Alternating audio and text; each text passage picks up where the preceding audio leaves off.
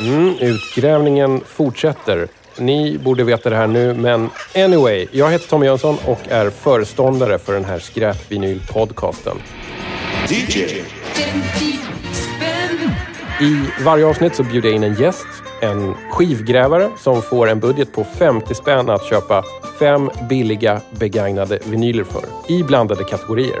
Och idag är min personal junk vinyl shopper ta mig fan ingen mindre än Erik Skylt. Hej! Hej. Hej. Eller är det skylt eller skylt? Det är skylt. Det är precis som en vanlig skylt. Ja, det är perfekt. Det är som Christian Lok. Det är som ett vanligt lok. För den som nu helt otroligt nog sitter och tänker Erik, vem då? Så tänker jag att vi kan fylla i konturerna på dig lite grann här. Jag vill gärna kalla dig för en lite filosofisk och tankeutvidgande kulturjournalist. Hur känns det? Det känns faktiskt väldigt bra.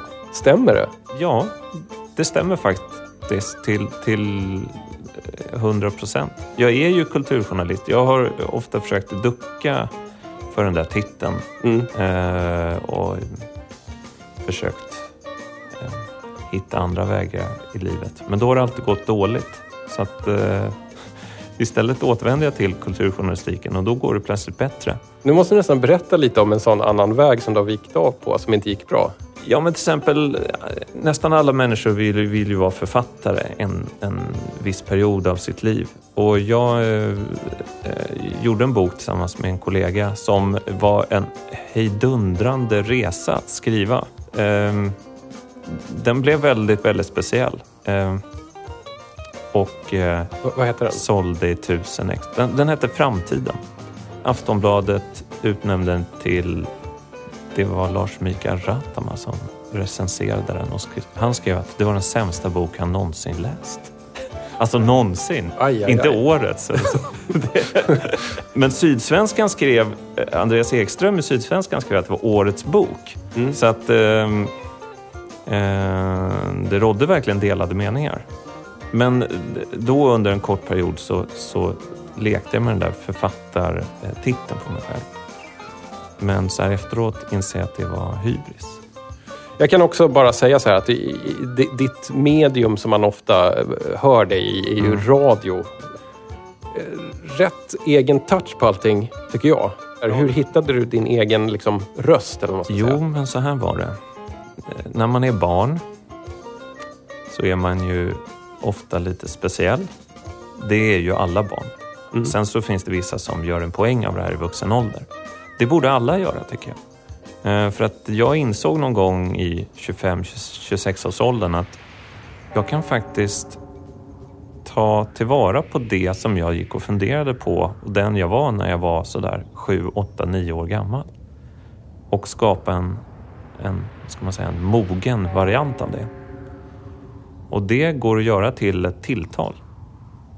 Eh, som förhoppningsvis är ganska uppriktigt och undersökande och drömskt och fantasifullt. Och eh, jag försökte bjuda med den. Det här låter ju väldigt pretentiöst. Men Nej, men, Det får du go göra då. Ja. jag försökte bjuda med den liksom, sidan av mig själv in i radiostudion. I några program där jag fick ganska mycket fria händer. Och till min stora förvåning så funkade det. Det där kanske började med ett program som hette då Skylt i P2. Som var, utåt sett så var det eh, ett genuint postmodernt program som skulle blanda högt och lågt. Ja. Och det gjorde vi också. Jag hade jättebra ljudtekniker som heter Patrik Lindén som verkligen mixade liksom Stravinsky med Oliver Hunterman. Ja, de, de hetaste beatport-släppen med eh, klassiska musikens eh, stora hits. Eh, så det gjorde vi. Men till det så var det väldigt förhoppningsvis djuplodande intervjuer med svenska kulturpersonligheter. Och då var det de där barnsliga frågorna som låg i grunden. Vad i världen? Varför lever man? Och det här drivet till sin spets blev då radioprogrammet Livet och döden. Och ja, på den vägen är det. Ja. Jag tycker det är jätteintressant att höra. För att eh, jag, tror att jag fortfarande letar efter vad som är min grej. Men är det inte här som är din grej? Vi, vi får se. Ta fram tioåringen i dig. Stod inte den vid skivbacken och bläddrade där? Jo, vet du vad? Den stod vid skivbacken och bläddrade. Någon annans skivback, för vi hade fortfarande inte skaffat skivspelare. Jag var avundsjuk på de som hade skivspelare. Du hade inte... Mm. Så att det här är nog tioåringen i mig. Mm, precis. Det är det här du hade velat göra när du var tio år. Exakt. Nu lever du ut det. Jag tror att det här, det här ska man ta på allvar. Alltså det som man ville bli när man var tio, det är nog det man ska syssla med i livet faktiskt. Jag gjorde verkligen radioprogram när jag var sådär fem år gammal. Har, Erik- har du någonting av det sparat? Ja, Eriks radio På kassett? på kassett. Ja. Med min lillebror som sidekick. Jag måste också fråga här eftersom det här, det här är ett program som handlar om, om skräp, om ratade skivor, sånt som är bortslängt, bortslumpat eller liksom Mm. skivor från dödsbon gissar jag på att det ganska ofta Ja. är också. Eh, Hur ser ditt förhållande till liksom så här loppisjunket ut? Ja, alltså så här. Före Spotify så var jag ju extremt intresserad. Eh, särskilt i och med att klassisk musik har varit så stor del av mitt liv. Och klassiska skivor har ju alltid varit dyrt. Mm. Alltså CD-skivorna har varit dyra om man vill åt de bra inspelningarna. Eh, så att eh, chansen att höra bra klassisk musik eh, när jag var sådär 22, det var ju eh, de här vinylbackarna, helt klart. Mm. För att jag menar, det, fildelningen var, är, har aldrig varit så utbredd heller eh, bland de klassiska musiksamlarna. Liksom det, det är en för liten grupp och för gammal grupp och också för stolt grupp för att syssla med det. För de som har sina fina samlingar, jag har varit hemma hos några sådana som... eh, Det vill man ju inte helt dela med sig gratis av. Nej, verkligen inte. Några av dem, alltså de som ägnar sitt liv åt klassisk musik och är i 60-70-årsåldern så de aldrig sysslat med den digitala varianten eh, någon gång. Att se deras skivsamlingar, det är alltså hundratusentals kronor. För att det är ju så speciellt med den klassiska musiken att du ska ju inte bara ha eh, en skiva med ett verk. Det finns ju inspelat i 20 olika versioner. Och eh, vilken version är bäst? Ja, då måste du äga alla så att du kan sitta hemma och jämföra. Den som vill fördjupa sig i det här kan gå in på Amazon och eh, slå på olika skivor och läsa kommentarerna där. Ah, Extremt initierade mm, användare eller musikälskare. Det är faktiskt en stor källa till mina musikprogram. det här låter fantastiskt. Och fruktansvärt nördigt också samtidigt. Alltså nördigt, jag. På ett bra sätt. Ja, på ett bra sätt. Alltså, eh, termen nörd är väldigt komplicerad i och med att den har något världsfrånvänt över sig. Mm. Jag skulle säga att den här typen av, det som skulle kunna utåt sett uppfattas nördigt är ett sanningssökande. Mm. Om du älskar ett visst impromptu av Schubert och du vill hitta den absolut bästa inspelningen av den så är det, det är inte nörderi alltså. Utan det är, det är, du, du vill åt liksom essensen av den musiken. Och då kanske det är Sviatslav Richter som spelade in det 1971. Eller någon sån. Eller så var det Horowitz eller Glenn Gould. Man vet, man vet Ja, ja. liksom inte. Men, ja, det- Ja, jag förstår. Ja, ja, ja. Det var lite jobbigt här. Jag såg att det hände någonting när jag sa ordet nördigt. Men, Jo, men, men för, för det mig är det oftast ett Ja. ganska positivt laddat Ja, jag begrepp. vet, jag vet. Du tillhör den falangen. Men jag... eh, Jag ska inte missa målet här, men... Alltså, jag har ju hållit på med mycket saker som har verkat nördiga. Rollspel och sånt. Men vi tyckte alltid att vi var coola. Alltså på riktigt coola. Det är Ja, inte så här, vi... De tycker vi töntar, men vi är ju coola egentligen. Utan vi tyckte att de som tjurrökte och drack och liksom levde rövare, vi tyckte de var töntar. Ja, på riktigt töntar. Och vi tyckte vi var coola som sydde liksom eh, medeltids underbyxor och, och mantlar och sånt. Vi tyckte det var coolt. Men jag tycker att det är coolt. Ja, det är coolt. Men Ja, nu är det så här. Nu ska vi dyka in på Absolut. eh, din hög här som Mm. ligger med fem eh, gamla vinylvrak här. Mm. Var köpte du dem? köpte dem på Röda Korset på eh, Östgötagatan i Stockholm. Mm. Är det här, den som har... Det ligger ett Konsum precis bredvid för den som kan Södermalm. Vad säger du om att vi börjar med den här Ja, skivan? det. Ja, för, för att mm. förhoppningsvis så gör den att vi kan fortsätta resten av programmet Ja, den någon kommer slags... verkligen sätta tonen. Vi, vi kanske kan fortsätta programmet i någon slags förändrat medvetandetillstånd. Mm. Chansningen. Ni lägger er så bekvämt som möjligt. Ni fäster blicken på en punkt alldeles ovanför huvudet. Ni håller blicken kvar på samma ställe tills ögonlocken har blivit så tunga att de faller igen av sig själva. kan ni börja med att knyta högra handen. Ni knyter högerhanden hårt och slappnar sedan av den. Ni knyter den igen och slappnar sedan av den fullständigt. Ni gör likadant med vänsterhanden och lägger märke till skillnaden när handen är spänd och när den är avslappnad. Ni slappnar nu av bägge händerna och bägge armarna fullständigt. Ni känner att när musklerna blir avspända och avslappnade så blir de också behagligt tunga. Ni fortsätter att slappna av händerna och armarna så att alla spänningar försvinner och armarna känns fullständigt avslappnade och tunga. Ni fortsätter att slappna av musklerna i axlarna.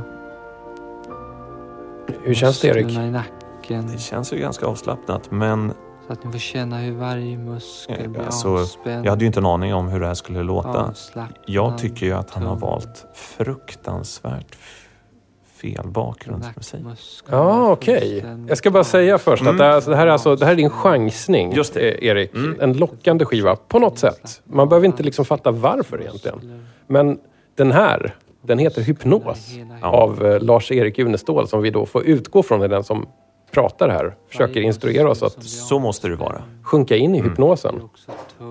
Ja, alltså den här blev jag otroligt int- intresserad av. Jag, eh, hade jag hittat den här i en back eh, och även om det inte hade varit det här programformatet som hade fört mig till backen så skulle jag köpt den ändå. Mm. Det här är ju för kul för att gå förbi. Jag, jag gillade på något sätt hur han pratade. Det var, det var liksom lite entonigt sövande. Ja, sådär. alltså, det- att, s- spelar man ut hela det här spåret så kanske, kanske man kommer in i någonting annat. Jag vet inte om, om vi har drabbats av hypnosen än, men Nej, jag, jag, jag kände ju att bakgrundsmusiken var fel. Alltså. ja, varför det? Jo, för att jag, eh, jag har ju varit intresserad av såna här eh, sinnesutvidgande saker under ganska lång tid. Till exempel intervjuade en hypnotisör en gång och blev kanske in, hypnotiserad av honom. Jag vet inte riktigt vad som hände egentligen. Och då skulle jag säga det jag hörde här, att rösten var helt klart rätt. Men att lägga den här kända Mozart pianokonserten i bakgrunden, alltså det är helt fel.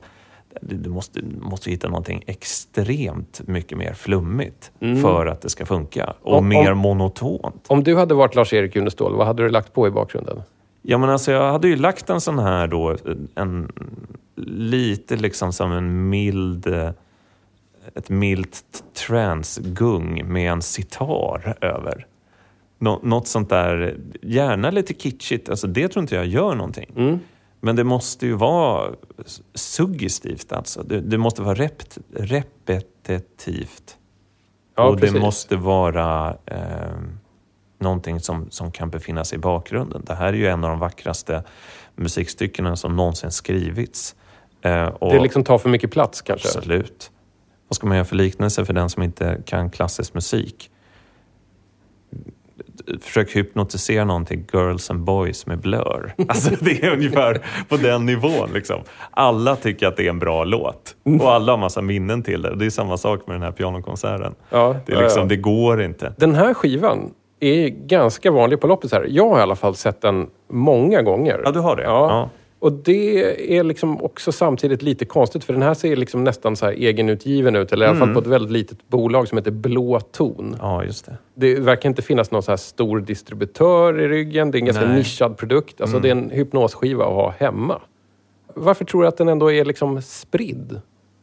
Jag tror ju, alltså, vi har väl inte riktigt något årtal på den, men det känns ju som att... Jag har- för mig att det är 68 eller 69 Ja, det är jag har det. kollat upp någon annanstans. Jag, jag gissar att den här släpps då en tid då eh, hela...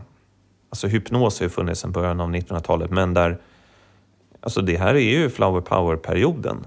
Och jag tror att där, hypnosen blir folklig under den här tiden. Mm.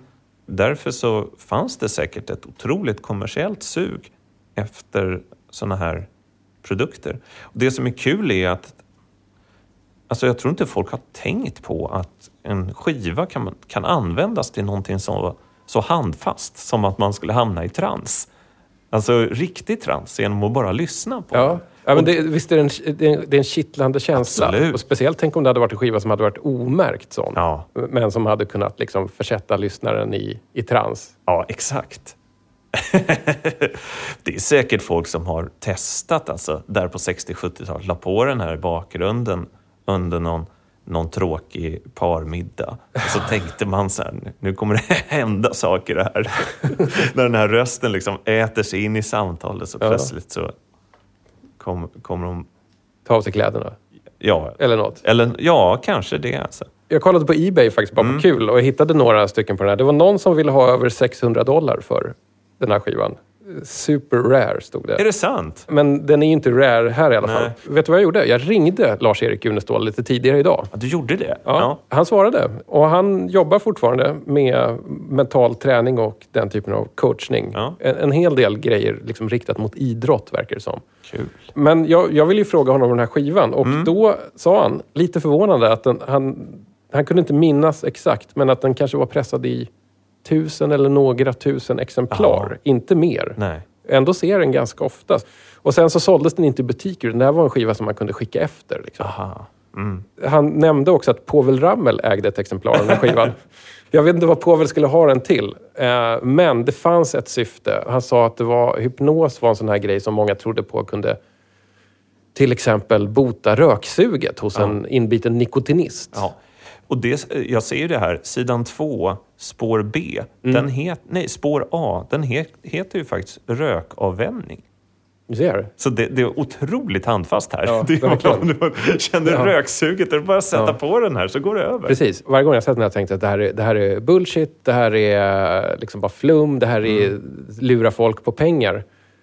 Men om man kollar lite på vad Lars- Lars-Erik Unestål har uppnått, faktiskt ganska nyligen, så är det här en, en gubbe som ger resultat. Tidigare under 2015 här så var det faktiskt han som jobbade med den mentala träningen för U21-landslaget i fotboll. De som alltså vann EM-guld. Wow. Så viss del av den segern kan bero på den här hypnosgubben. De spelade i trans alltså. De har suttit med den här skivan i omklädningsrummet innan.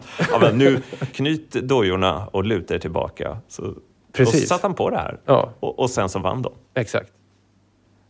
Man ska, ju, man ska ju faktiskt tillägga i protokollet här att hypnos funkar ju faktiskt.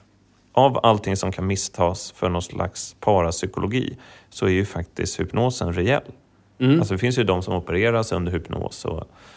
Har, har du testat någon gång? Jag testade ju en gång mm, under, i, ett, i ett program då, när jag intervjuade en hypnotisör. Men eh, jag kände inte riktigt att jag hamnade i då trans, som man säger. Men det tror jag handlar om att jag... eh, Det var ju en sån här miljö. Vi satt med hörlurar och jag visste att det skulle bli ett program. Och det, det gick ju inte att slappna av. Jag får ge den en till chans. Och det kommer jag göra nu, men när jag är... I och med att jag äger till den här skivan. Testa den i hemmiljö. Mm. Vet du, nu får vi se om, om, det, om det kan ha hänt någonting utan att vi har fattat det. Mm. Men jag tänker att vi ska gå vidare till eh, nästa skivkategori. Nostalgiköpet. Mm, ditt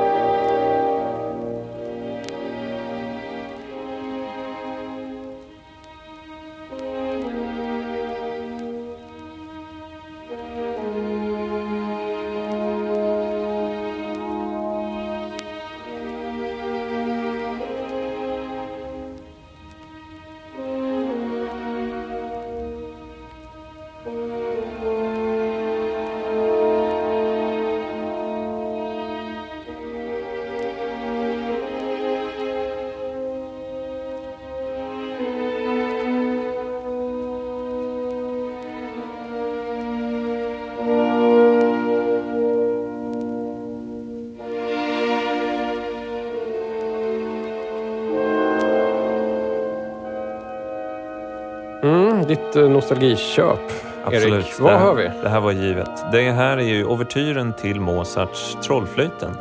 Det var givet sa du? Det här var givet. Det här var en skiva som jag som liten lyssnade på om och om igen.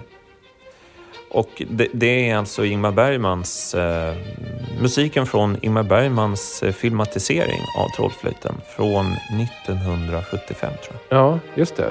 Jag undrar alltid så här, är det här under Ingmar Bergmans så kallade tv-period? Jag tror att det är precis den perioden. För jag har för mig att liksom Sveriges Television, eller om det, var, om det fortfarande hette Sveriges Radio då, var Mm. inblandat i den här. Han ville ju spela in hela operan på Drottningholmsteatern, eller Drottningholmsoperan, men fick nej. Men Oj. i och med att det här är 70-tal och Bergman är Bergman så byggde de en, en, en egen eh, replika av teatern i Filmhuset. Eller på annat ställe i någon stor studio. Herregud. Det måste ju kostat miljoner alltså. Ja, verkligen. Men det blev otroligt bra. Det här är ju kanske den bästa tolkningen av Trollflöjten som finns faktiskt. Då är det här också ett riktigt fynd för en liten, liten slant.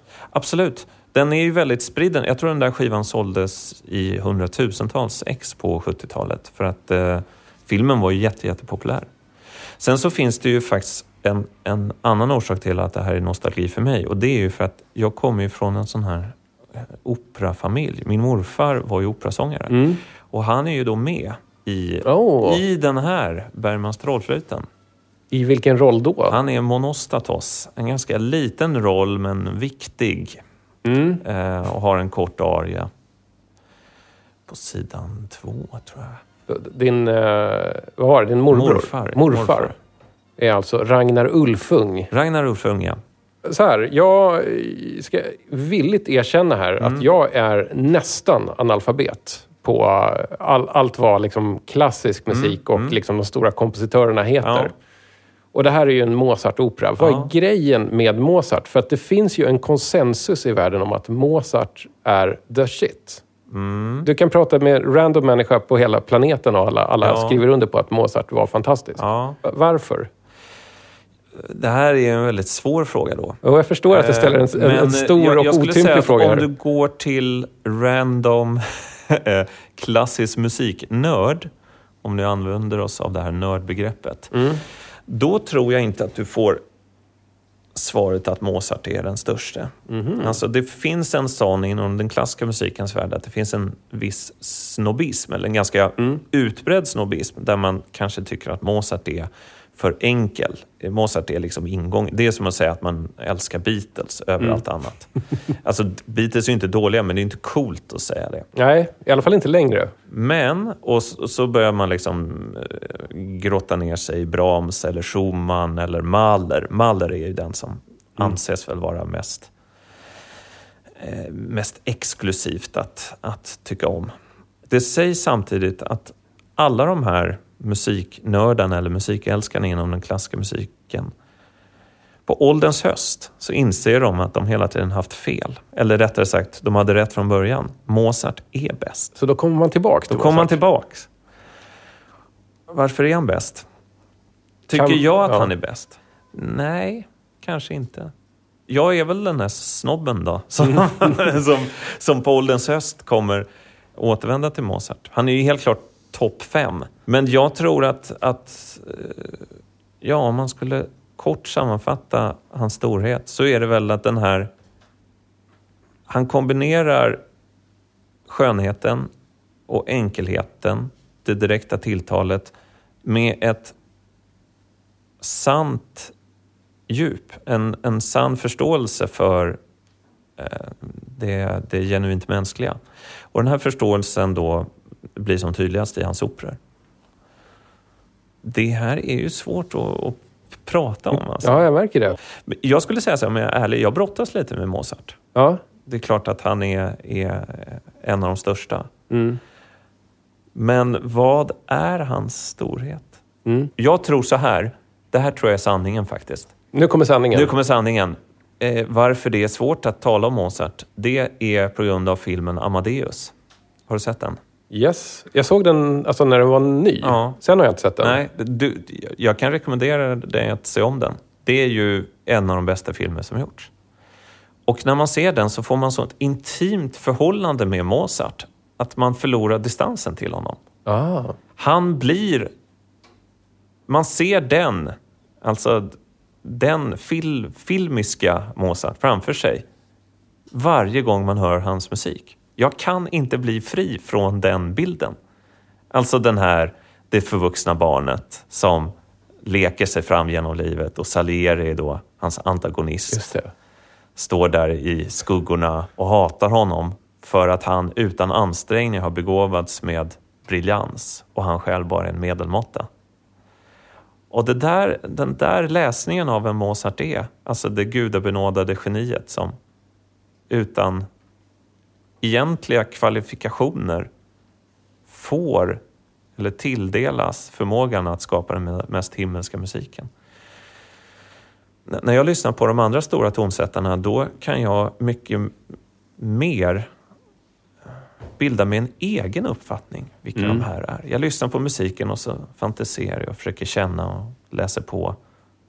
Och efter ett tag så frammanas en bild av vilka de kan ha varit och vad de stod för och vad de ville. Men med Mozart så är jag fast i filmen. Det här är alltså Milos Forbans fel. Om man jämför eh, alltså, klassiska musiken med popmusiken så friheten inom den klassiska musiken är ju att man inte vet hur musiken skulle framföras Mm, fullt ut. Alltså de har ju skrivit eh, direktiv, men det är ju bara vad som står på papper. Med popmusiken så har vi ju fortfarande Beatles Ja, första inspelning. Inspelningarna finns. Men den klassiska musiken är ju noterad på papper. Och det gör att, att uttolkningen kan vara väldigt fria. Och man vet inte riktigt vad tonsättarna tyckte och tänkte om sin musik. Och därför så kan den tolkas på olika sätt. Men för mig då, då är den här filmen, den kommer in och förstör det där. Men nu, jag, jag kan ju bara säga något kort om Bergmans Trollflöjten. Det är ju en fantastisk eh, tolkning han gör alltså. Vad är det han tillför liksom? Alltså han tillför, det är barnsligheten. Är Det- Bergman släpper loss en tioåring? Absolut.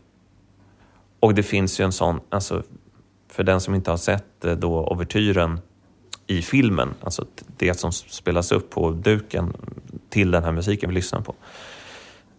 Det är så genialt. Alltså han låter kameran zooma in på olika ansikten i publiken. Det börjar då med en liten flicka som eh, man ser bara hennes minspel och det är den här fantastiskt vackra bilden. Och sen så hittar han olika ansikten i publiken. Och på något Bergmans sätt så har han fått dem att vara totalt avslappnade. Det verkar verkligen som om kameran står i kulisserna och i hemlighet filmar dem. Och det här skapar en sån eh, förhöjd stämning från första ögonblicket som man bär med sig in i, genom hela operan.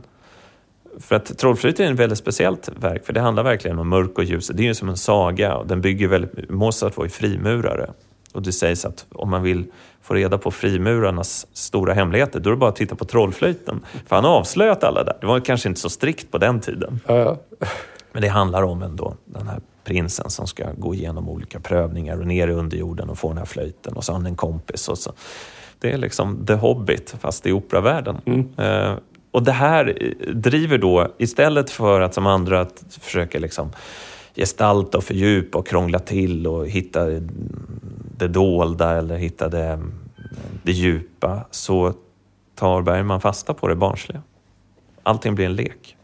Och i den leken så, så, så kommer han, tror jag då, närmast eh, Mozarts intention. Jag tänker att vi ska liksom byta värld Ja. helt och hållet Ja. nu. Skivbörsklassikern. Den här, Mm. jag har undrat varför den inte har dykt upp förrän nu. Det är jättekonstigt tycker Ja. jag.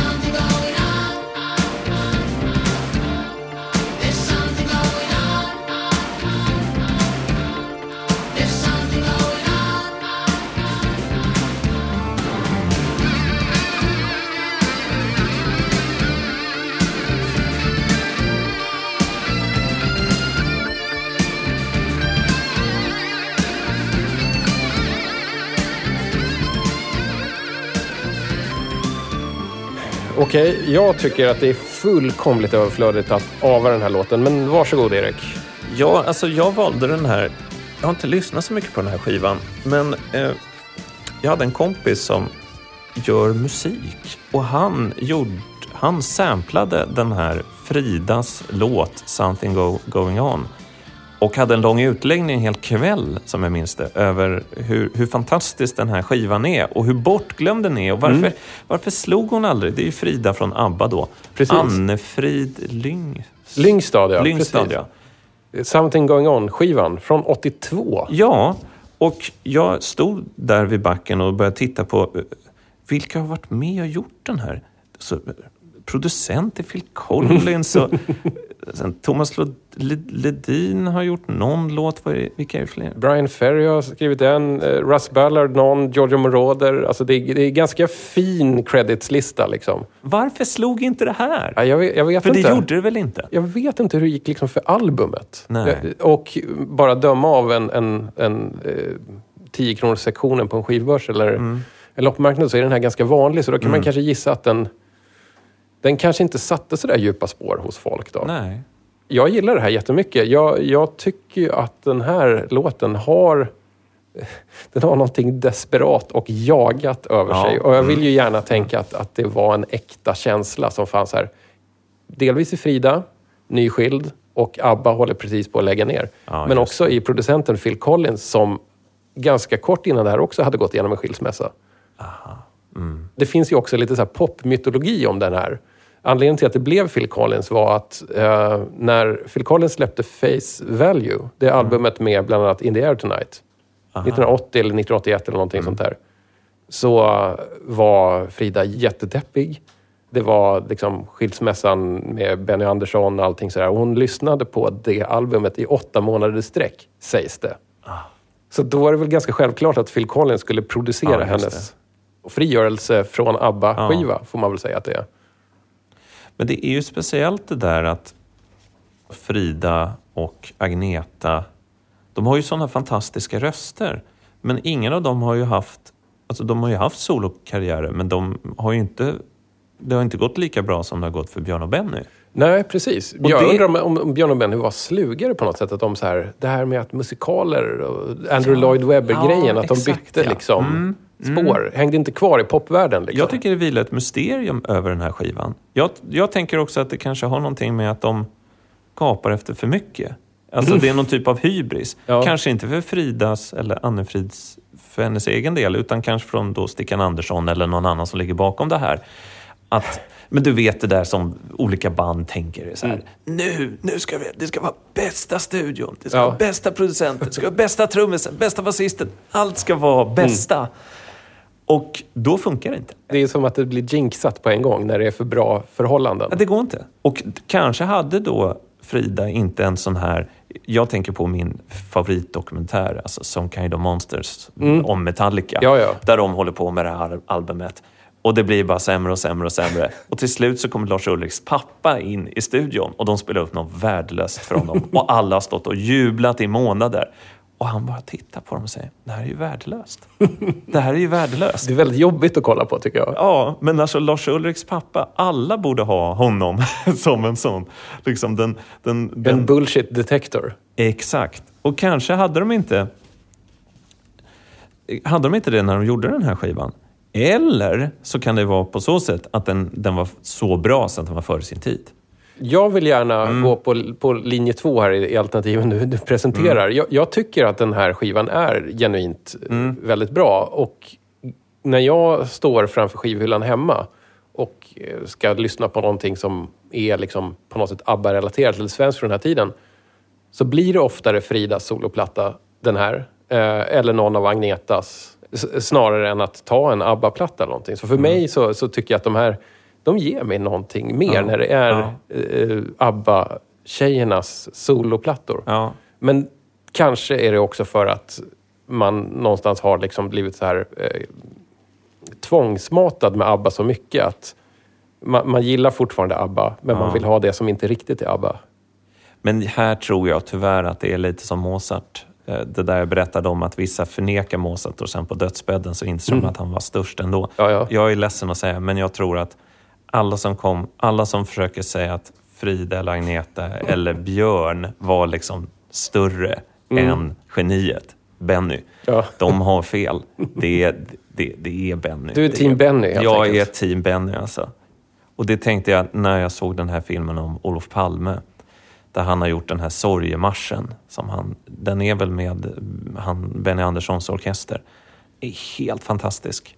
Ja, Det är bara några ackord och sen så, alltså det är tre, fyra sekunder och man är direkt inne i en otroligt melankolisk stämning.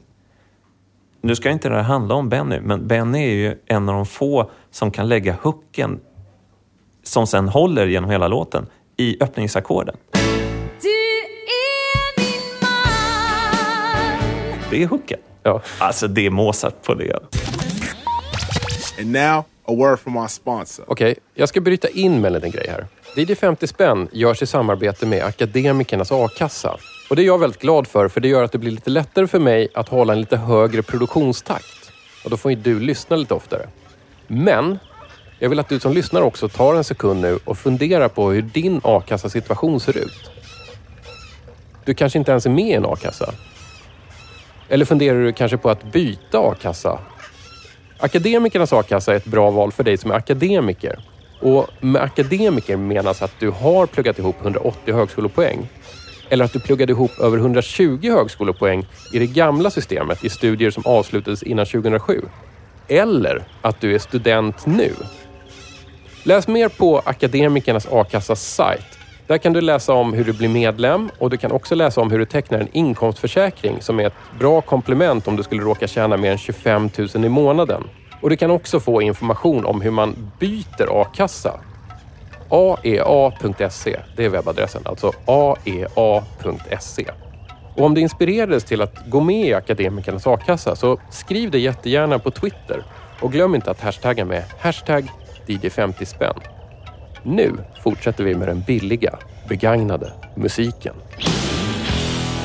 Hörru, jag tänker att vi ska hoppa till eh, den lite, vad ska vi säga, den lite giftiga kategorin där man aldrig riktigt Ja, vet ja. Vad, vad, vad som kommer upp. Random Access Vinyl.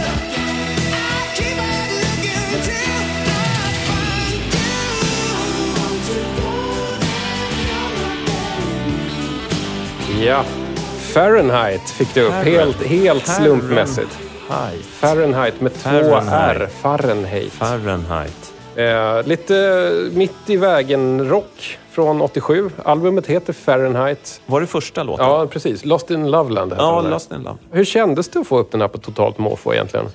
Ja, alltså... Jag känner mig helt nollställd faktiskt.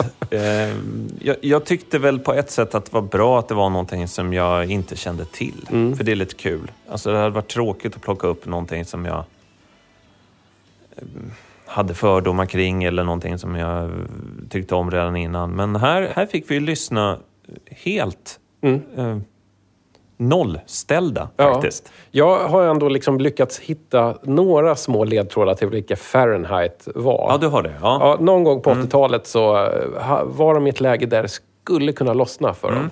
För då fick de vara förband till arenarockarna Boston på en jättelång turné. Boston. Fahrenheit heter, som det heter av en anledning, det är att den som är liksom huvudpersonen i bandet heter Chris Farren. Farren med två R. Och han hade liksom försökt hanka sig fram i musikbranschen. Han hade spelat med ett band som heter Balloon, uselt bandnamn. och sen ett band som hette The Enemy. Kanske lite coolare Ja, det är bandnamn. lite, Ja. lite tuffare. Ja. Men där i alla fall så eh, spelade Chris Farren och hans basist David Hull. Och de två blev signade till Warner Brothers. Och då tänkte de att nu jävlar, nu lossnar det. Och då kom David Hull, den här basisten, på en fantastisk idé. Han ska byta efternamn till Height. Så att de kan heta Fahrenheit. Aha! Det, var, det här var liksom det roligaste jag kunde hitta om Fahrenheit.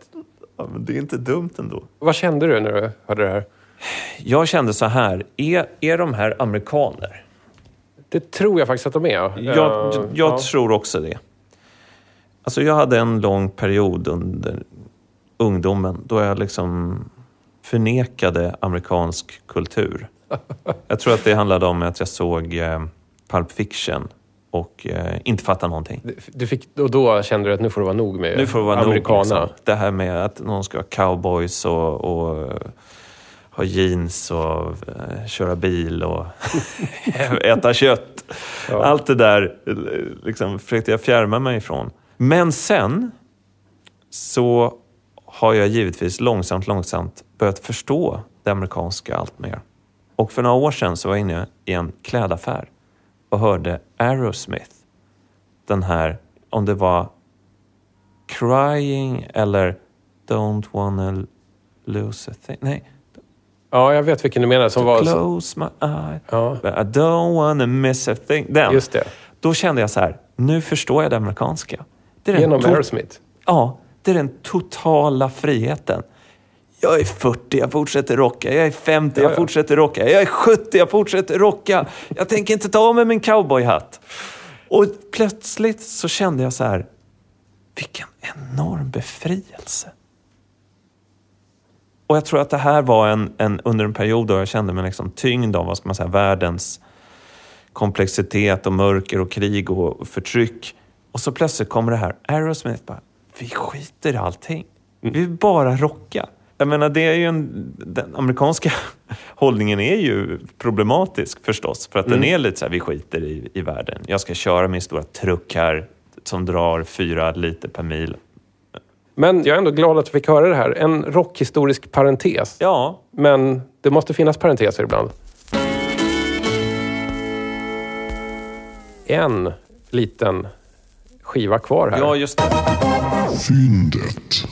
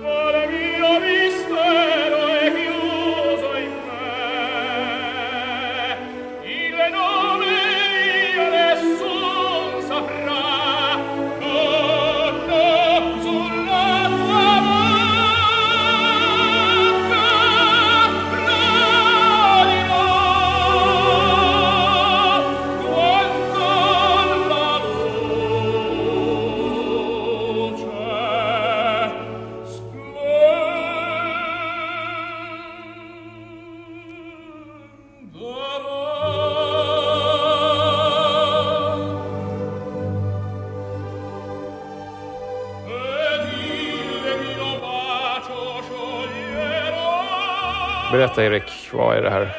Detta är ju den store, den största av de stora, Luciano Pavarotti, i hans paradnummer Nessun Dorma ur Puccinis eh, Turandot.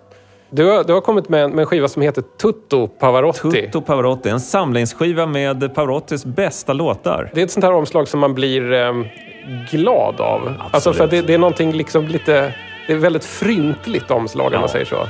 Och nästan lite att det drar åt något slags här, nästan cartoonhållet när man ser att han, han är liksom inklippt. Ja, vi har ju Pavarotti både på framsidan och när man viker upp den här dubbelskivan så är han ju här i, i, i mitten. Ja.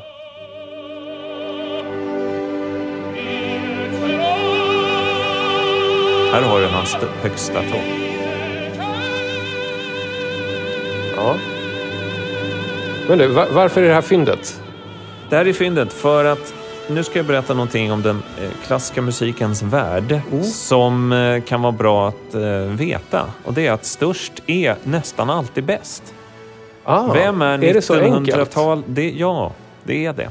Vem är 1900-talets eh, bästa tenor? Det är Pavarotti.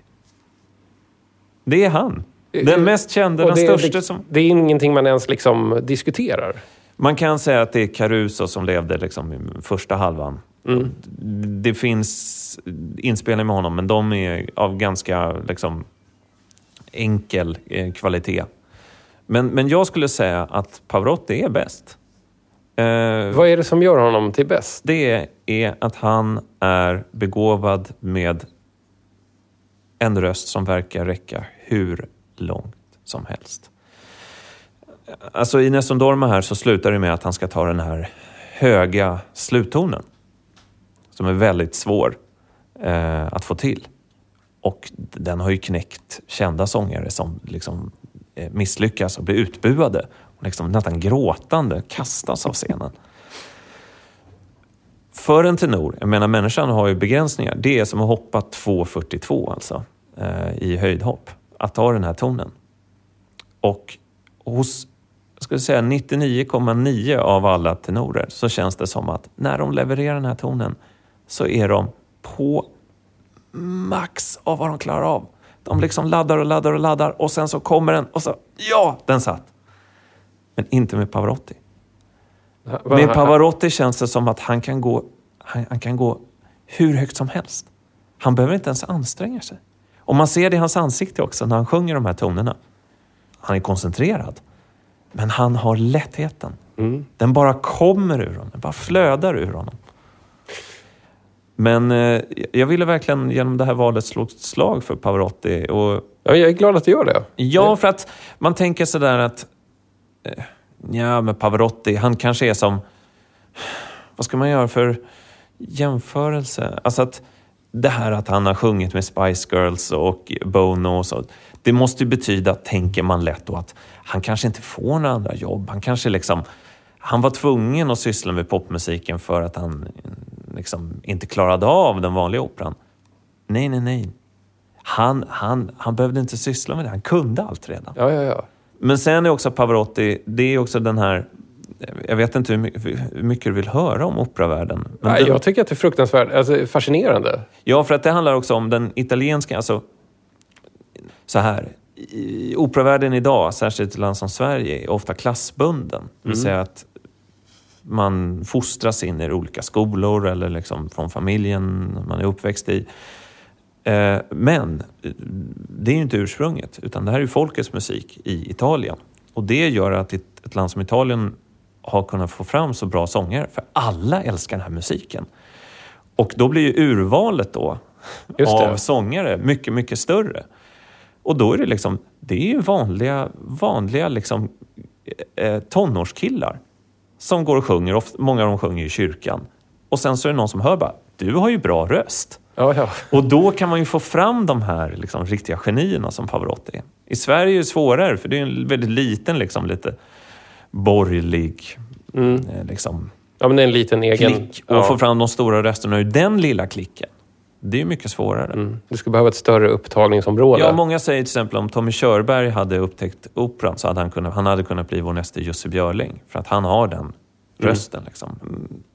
Men Pavarotti, han... han eh, Det är grejen. Det är grejen. Det är ingen som slår honom.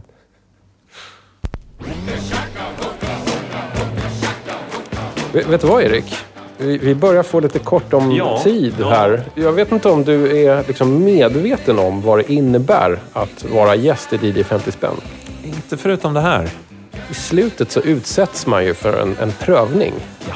Men det är också mitt sätt att säga eh, tack för musiken. För nu har du grävt fram Ja. fem skivor här på Ja. uppdrag. Eh, och jag måste ju ge någonting tillbaka. Ja. Jag vet inte om du känner till loppisguden James Last? Nej, det, kanske är ett ansikte man har sett i de där backarna. Men Finns alltid för en tia. Ett Ja. litet eh, tips där. det här vi hör, det är ju Högt under feeling. högt under feeling. Ja. Erik, jag är väldigt glad att du eh, kom hit. Jag lärde mig faktiskt väldigt mycket av det här. Ja, vad bra. Måste jag säga. Ja. Och fick lite eh, känsla också för att jag ska släppa fram min inre tioåring ibland. Jag tror att du gör det just nu faktiskt. Vi säger hej då. Hej då! Det så här, en låt på...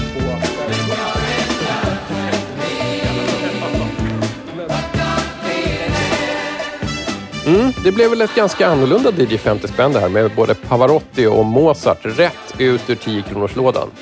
DJ 50 spänn presenteras i samarbete med Akademikernas a-kassa. Jag som har klurat ut det här programformatet och programleder heter Tommy Jönsson. Och podden produceras på Rundfunk Media i Stockholm. Jag blir väldigt glad om ni hör av er. Det finns en mejladress som heter hej 50 spanse Jag finns på Twitter och där heter jag dj50spann och på Instagram finns ett konto som heter likadant. dj50spann alltså. Tack så mycket för att ni lyssnade. Vi hörs snart igen med en helt annan gäst och helt andra skabbplattor för max 50 kronor.